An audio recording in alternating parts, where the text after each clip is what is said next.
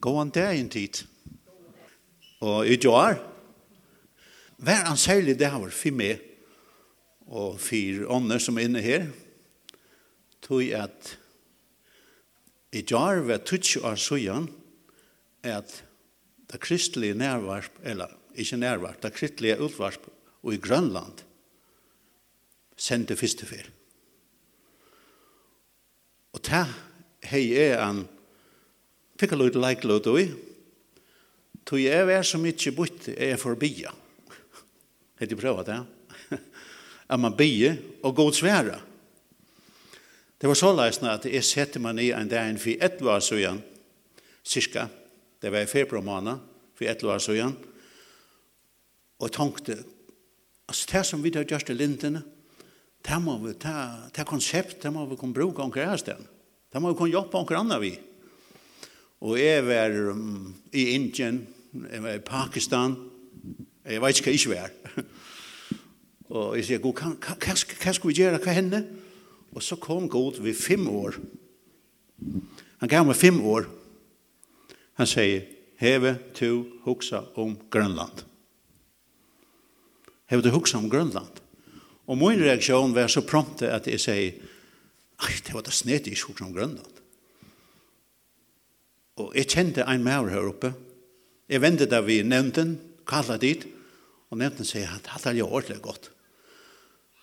Og sendte en maur opp som ikke tog seg vi i seks år.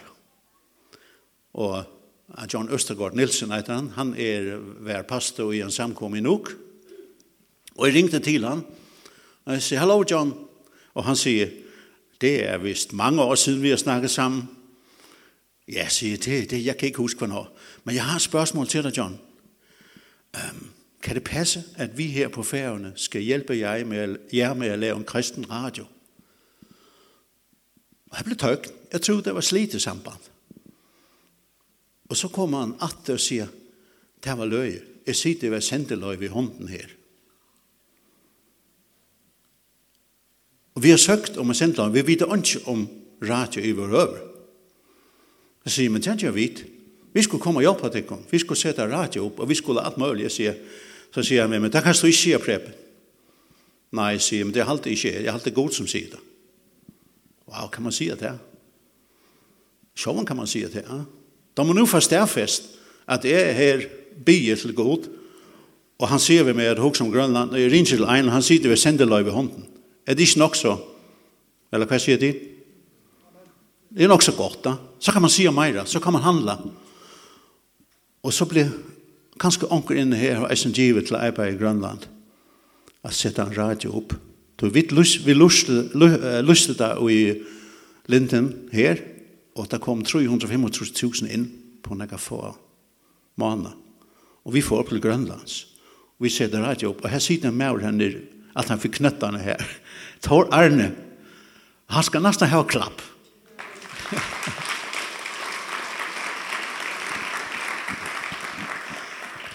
Tøy han og vi får til Grønlands er han ikke gjør okkur. Men han gjør det. Sånn jeg. Og folk kom til som knapplige.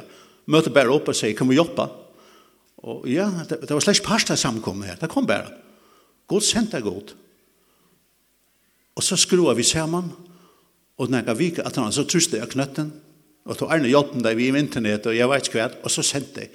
Så sier det, god elsker Grønland og følger her. Halleluja. God gåur. Eller kvært? Anki, høy, anki at det svær i morgen. Jeg så vene vil faktisk svær at det. Jeg halte det fantastisk. Ja? Og så er det han sier, og i Isaias 55, trus, ørende 8, i 55, trus 8, så sier han, Toi huksena møyne er ikkje huksena tikkere, og leie tikkere er ikke leie møyner, sier Herren. Isaias 55, 8. Mine tankar var ångstene her. Hans tankar var her opp. Han visste at Grønland hei bruk for kristelig radio. Han skulle bruka nekar som kunde viska vitlet det er, og han boja etter ångst skulle sette seg ned og bia. Og jeg var en av dem som sett meg ned og bo. Og jeg klarer å høre hva han sier med meg fem år. Og så, så kom materialisera seg det fem årene til en radio. Hva alt er dit? Fem år ble jo til verleit. Og det var ikke strøy. Det var ikke strøy. Det var slett ikke strøy. Sinte svett av pannene, sier to ærene. Vi skjønner. Men ikke strøy, fantastisk glede. Og i det, så kallet jeg god forskjellig at han så kom några kanadier, så kom några, jeg vet ikke hva det var från, och arbeidde vi gör og sett støy opp og rundt om i Grønland. Og i det täcka til radio i tutsa at han har 45 prosent av Grønland. Jeg ønsker halleluja, ønsker amen. Ønsker näka. Det er hørt utrolig, altså. Amen. Ha?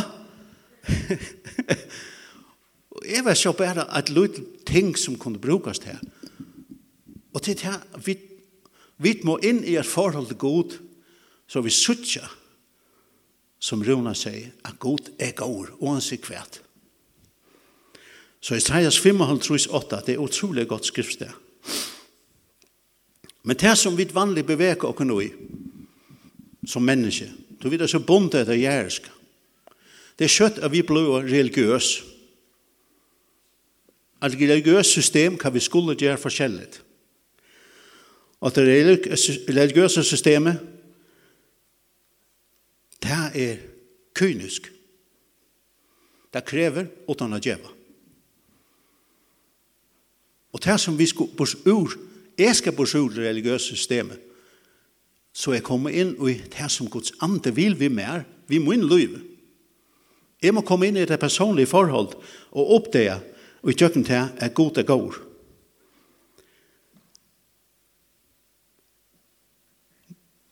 Mine evne til å oppfæta god, om god er god, det er avmarska av mine livsrønt. Er det det? Absolutt avvirska av mine livsrønt. Hvordan var min oppvøkst? Hvordan var min kristne opplæren? Hvordan var mitt forhold til min jæreske pap? Og mengt anna.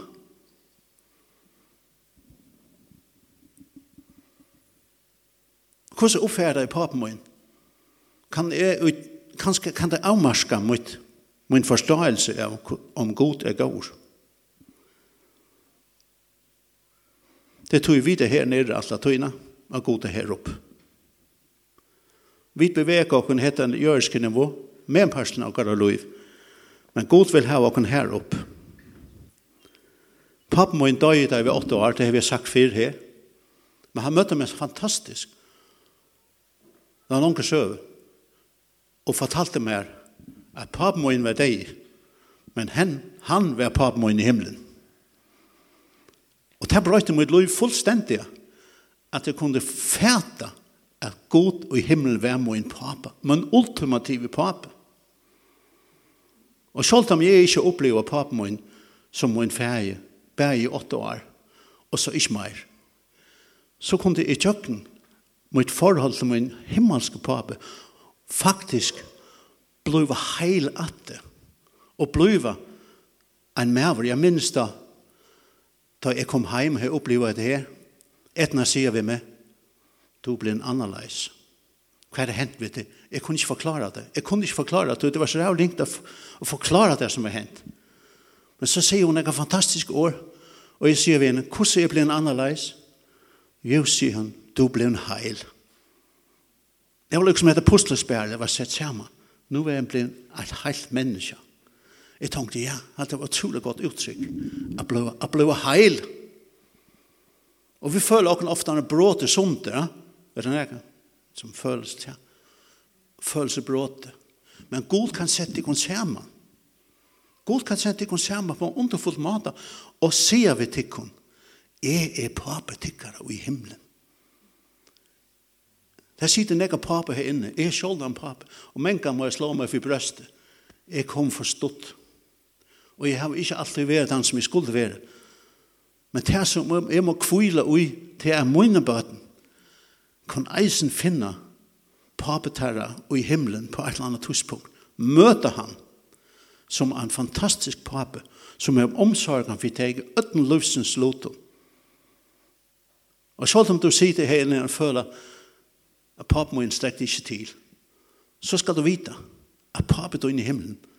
Han er den ultimative pappa som alltid strekker til. Og hvis du selv sitter her, tønse, jeg har ikke vært en god pappa, så skal du vite at Gud, han iver rola til, og han kan vise for dem som du, du er elsker i bøten, at du vær en god pappa. Du vær en god pappa. Du vær den pappa, den jørske pappen som Gud gav dem, som vær til en stor sikning for deg. Føl at det unge tog forstått kommet. Føl at det at tøyen uimind er god til himmelen, ferien, og han er god.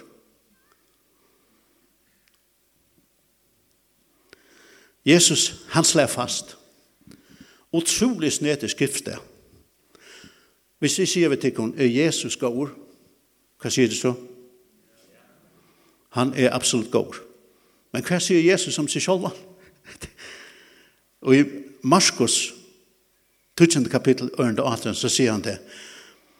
Han har samrå, han er jo ved en ungling, så sier han, hva kallar du meg gåan? Ønsken er gåan utan ein, ta er god. Ønsken er gåan uten en, og ta er god. Jeg sier altså Jesus, nå må jeg slukke halte på at Jesus er god, er han ikke det? Men det er underfullt å være at egentlig en av høvesoppgavene til Jesus, da han kom og gjør den, han ble krossfest, han reis opp at det, og han gav okon rattvise, men en av høvesoppgaven til, til Jesus, hva skal det være? Det var vise av at god er god. Da han sier om seg selv, Jeg gjør ikke annet enn det som ikke ferien gjør. Johannes 5, 19. Jeg gjør bare det som er ikke ferien gjør. Og hvis nå hokser om det, alt det som Jesus gjør seg var godt, vet det ikke det? De blind fikk i sjånen at det, de lærmen får genka. Ønsken her inne vil motmæle hvis jeg sier Jesus var god. Han sier, han gjør det bedre enn han var ikke ferien gjør. Han uimynda i ferien. Han kom for å vise okken at god er god. Så hvis du har noe iver om at god er god, så hikk du av Jesus. Og så hikk du av dette her skriftet, hva han sier, og flere andre skriftet, et jeg bærer som sutt i ferien gjør. Og Jesus lærer fast her i Johannes 15, 19, så sier han, orsaka, Markus, tutsi og atjan, kui kalla di me gåan, ongen er gåur utan ein, ta er god. Jeg minnes da, jeg var skolvidgjørt, uh, jeg har haft en tomo i heiland, det var ikke særlig stått litt. Jeg husker i Arne, det må være nægget der ringast, det var skor vi skolvidgjørt i heiland, ja. Det føler vi det, det er sensen i okra liv. Og da jeg kom hjem av den skolvedgjeren, at han er flåtur og alt det her, så var jeg nok snegg i ørvet. Jeg flente meg at jeg røynte etter suppe ved, gaffen, ved skajen hinveien. Det kom ikke så nekk vi ene, det er ikke fokusere i. Og etter sier, du må få lette det. Og det var en særlig til henne, hun har sett meg hvordan jeg kunne få anfall på grunn av sin tumor. Og Og jeg fikk ikke lov å fortelle det. Og hun ber simpelthen bøn, og sier, god, du må stjått meg. Jeg klarer ikke dette, nå er det for meg. Og så sier hun, vi lå inne i sovkammer og vi har sånn truskapstandende her. Og da hun er bygget seg bøn, så knappelig, ui, at ekna bra manifesterer seg, tror ikke enklere. Tror ikke enklere ein kvann framakunskap, stor veldig. Her stod de og visste, vit er her. Slappa du bare av. Så har det vekkat. Er god gåur, wow, altså. Så var hun var helt ut, helt ut, hun har sett hvordan ringte jeg kom bliva da, altså, alt mulig hent i høtta av meg. Og hun dyrst nei, og så sier hun, god, du må jobba med. Og så kommer han, og så tror ikke enklar wow, jeg sier, jeg sier ikke ørensjuk, jeg har unga du ser nega egentlig. Hva tid? Hva fløy seg egentlig? Eh, yes, sjolvande jekvann, han er så, og ein her reisen, og ein her reisen, ja. Hvordan er det som jeg sier egentlig? Er det fantastisk? Er det fantastisk? Hva gjør det vidt det? Det gjør det helt fantastisk vidt det. Og jeg minns etna hun bare, hups, leser sove alt. Hun slapper fullstendig av. Og så er det min spørning, er god gaur? Ta vi det er dyrast nei, så kommer han. Møter okken på en underfullt mat. Og en splitt sekund. Fantastisk.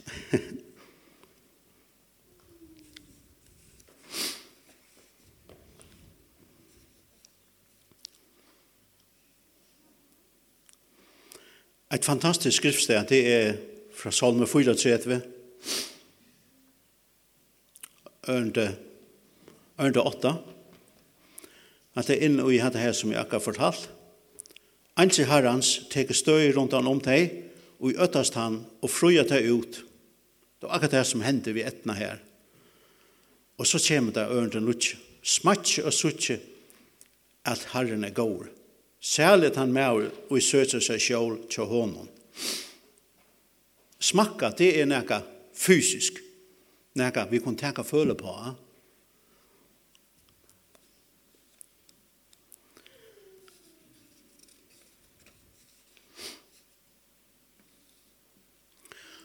For jeg vet, for at vi virkelig skulle oppleve at god er god, så må vi ha et sterk person i forhold til Jesus. Vi må vekse og ta å kjenne ham. Og jeg har haft nekva hendingar i min løyve som gjør at, at jeg virkelig har oppleva at god er god.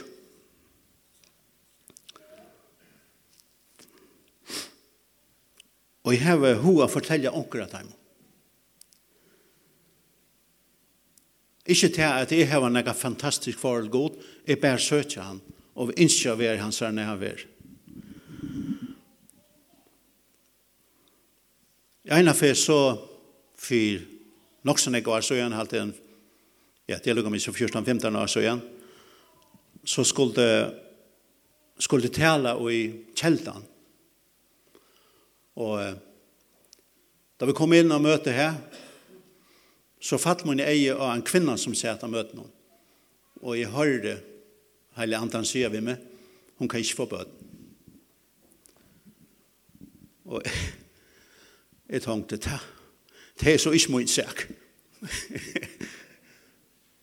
og, da, men altså, jeg slapp ikke under det der. Det ble vi av være. Og Arne, jeg skulle tale, jeg får opp, og jeg er øyelig radikal. Jeg er øyelig radikal, men det vet jeg ikke. Det er bare konan kommer som vet. Jeg synes ikke øyelig fitter ut, jeg vet det godt. men er det slett ikke. men, eh, så, så sier Arne Skritela, jeg får skekk, tok skekk man er, tank du ørvid man kan bliva. Tok skekk man er, jeg følte god sier, tek skekk man er. Jeg tok skekk man er, og så sier Arne, jeg får si et eneste år, så skulle vi be for en kvinne inne her, som ikke kan få bøten. Jeg tenkte, nå får, nå får han den kvinne bare, beina veien reagere.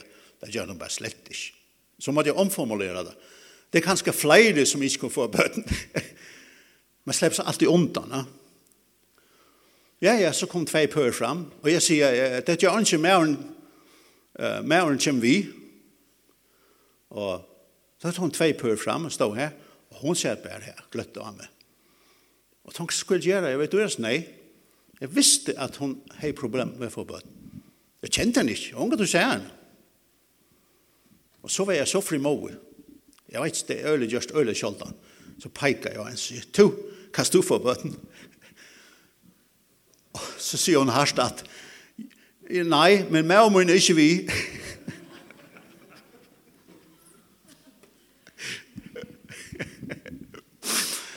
Det var godt å høre til flente her.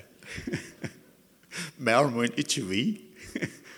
Hun kommer fram og setter seg her. Så sier jeg, vi skulle be for det først. Og jeg tror jeg sier det. Jeg vet ikke hva hender vi henne. For jeg standa her, så la hun knappt i gulvet var ikke kun kom ned i gulven. Så la hun. Og hun begynte å vene seg. Og, og ristes. Og begynte å skrutja. Og sier, jeg orsi ikke meg, jeg klarer ikke meg, jeg klarer ikke meg. Og så, bum, knappt i vampyrer stilt etna for ukkene og så var. Så får hun ut, hun var vant i svetta. Og så får hun ut, utanfor å køle seg. Og så at han møter seg spør, hva hendte? Jeg vet ikke, ja. Men det var akkur som inn i her, det var akkur som en kjendi her som man festo i nutjasaftan, solane. Hun sier, det var akkur som sånn var inne i her. Og tog fikk så jævlig ilt.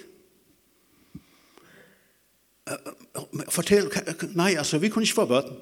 Det er ikke gjøre, jeg kan ikke få bøten, og det er også gale vi hånden eisen, og det sier vi må adoptere. Nå, ok. Nå kan jeg fortelle søvn allmenn til. Du vet, jeg kan lusta det i linden hvis du vilja. Ja Da hun er ved linden og, og, og vittne. Og i det eier hun eit bad, nei, tvei bad, nei, tre bad. Er god gaur? Jeg har ikke morgen. God er gaur. Ha? God er virkelig gaur. Men for jeg tror vi skal være fullstendig viss, visser i at God er gaur, så måste du kjenne han.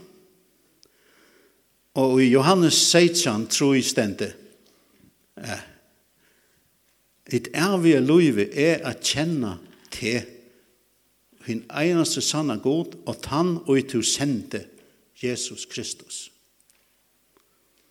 Johannes 16 tror jeg.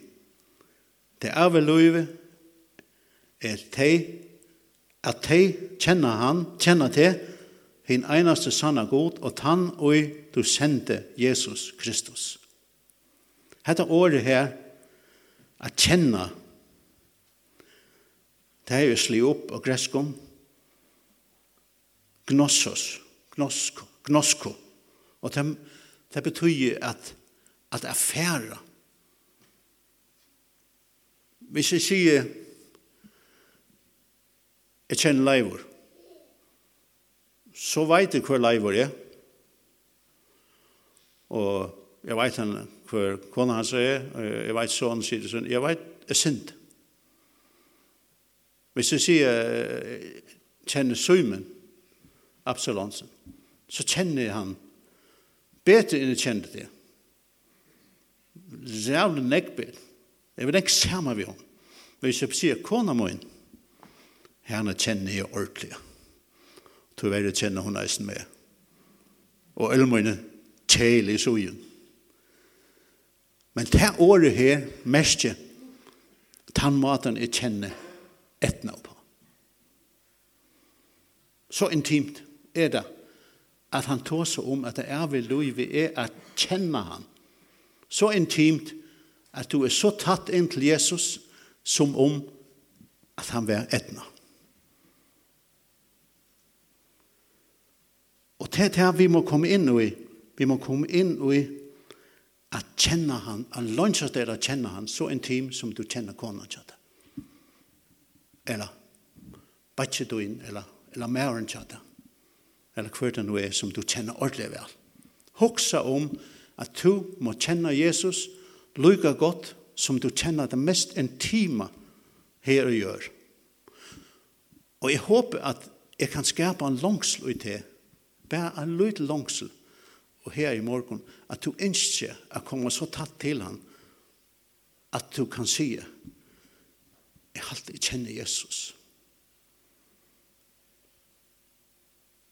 For ta, da du kjenner han så leisen, så veist du at han er god. Så veist du at god er god. Halleluja. Halleluja.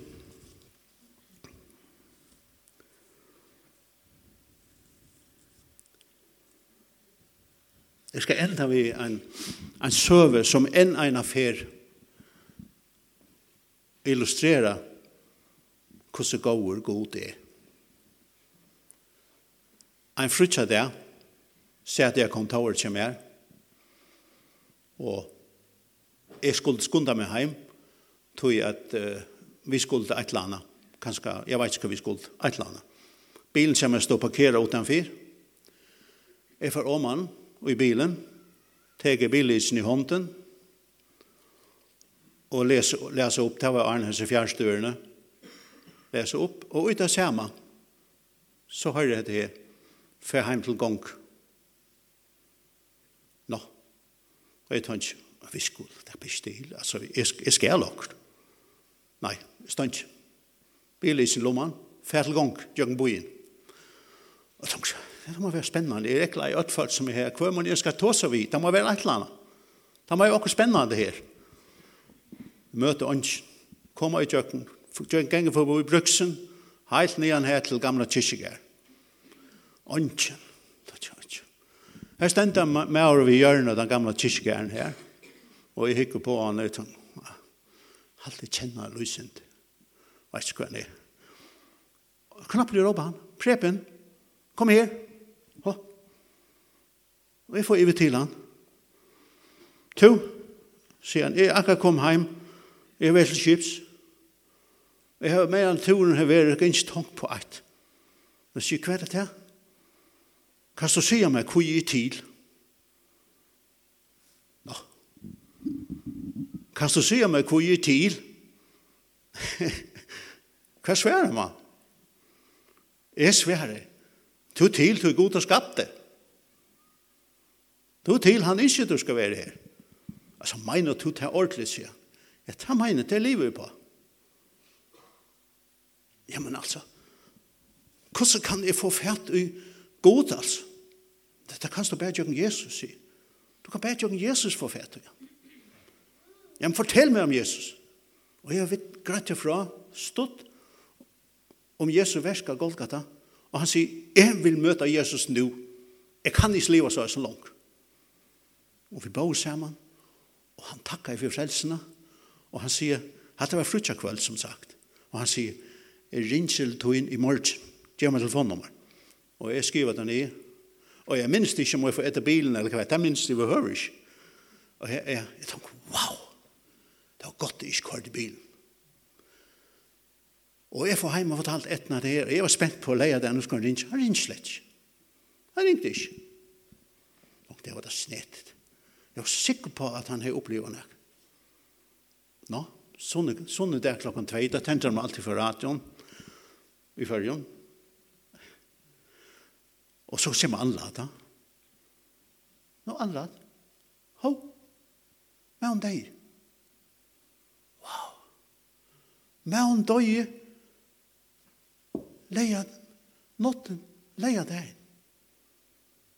Han døg. Han døg. Men hva får han?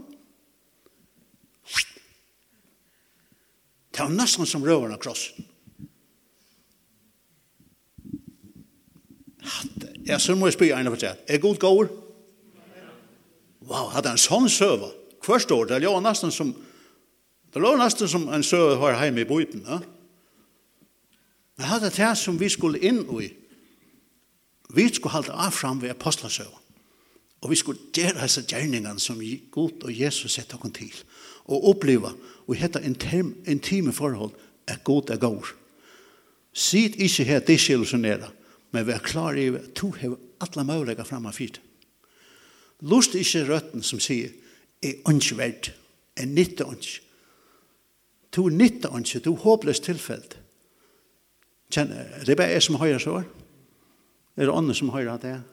Gjefst vi hadde her, hva fytla det inn, altså, hvor er? Hva heldt det være? Kjenner dere det? Alt kjenner det. Um, skal vi bare se om han blir en bøn? Takk Jesus for at vi hver seg skal oppdage at du har utvalgt dere. Og at det er disse røttene som støver ljøa og dere har hørt om at vi er ikke utvalgt. Vi er ikke sett til å brøyte disse verene vi er parste av en kipan som ikke vil åkne er godt. At jeg må takna. Takk for at vi saman kun komme tatta inn et her Jesus. Oppleva at du er verlig. Oppleva i åkker at akkurat det at du kan nøyta åkker. At du gjør åkker nytt liv og kraft til å standa i jøkken takle det igjen. Og takk for hese vikene vi får inn i, vi ikke bare en vik er træt men det er en vika saman med te. Saman med te kan vi oppleva at du er allmåttig god, og at du sier at du deilar tun myndlaga vi okkon, at du har sett okkon til å fullføre det versk som du byrjar av Golgata. Takk for at du ditt var sikkelse, og at du en fri kvile i okkon øtland, og Jesu navn.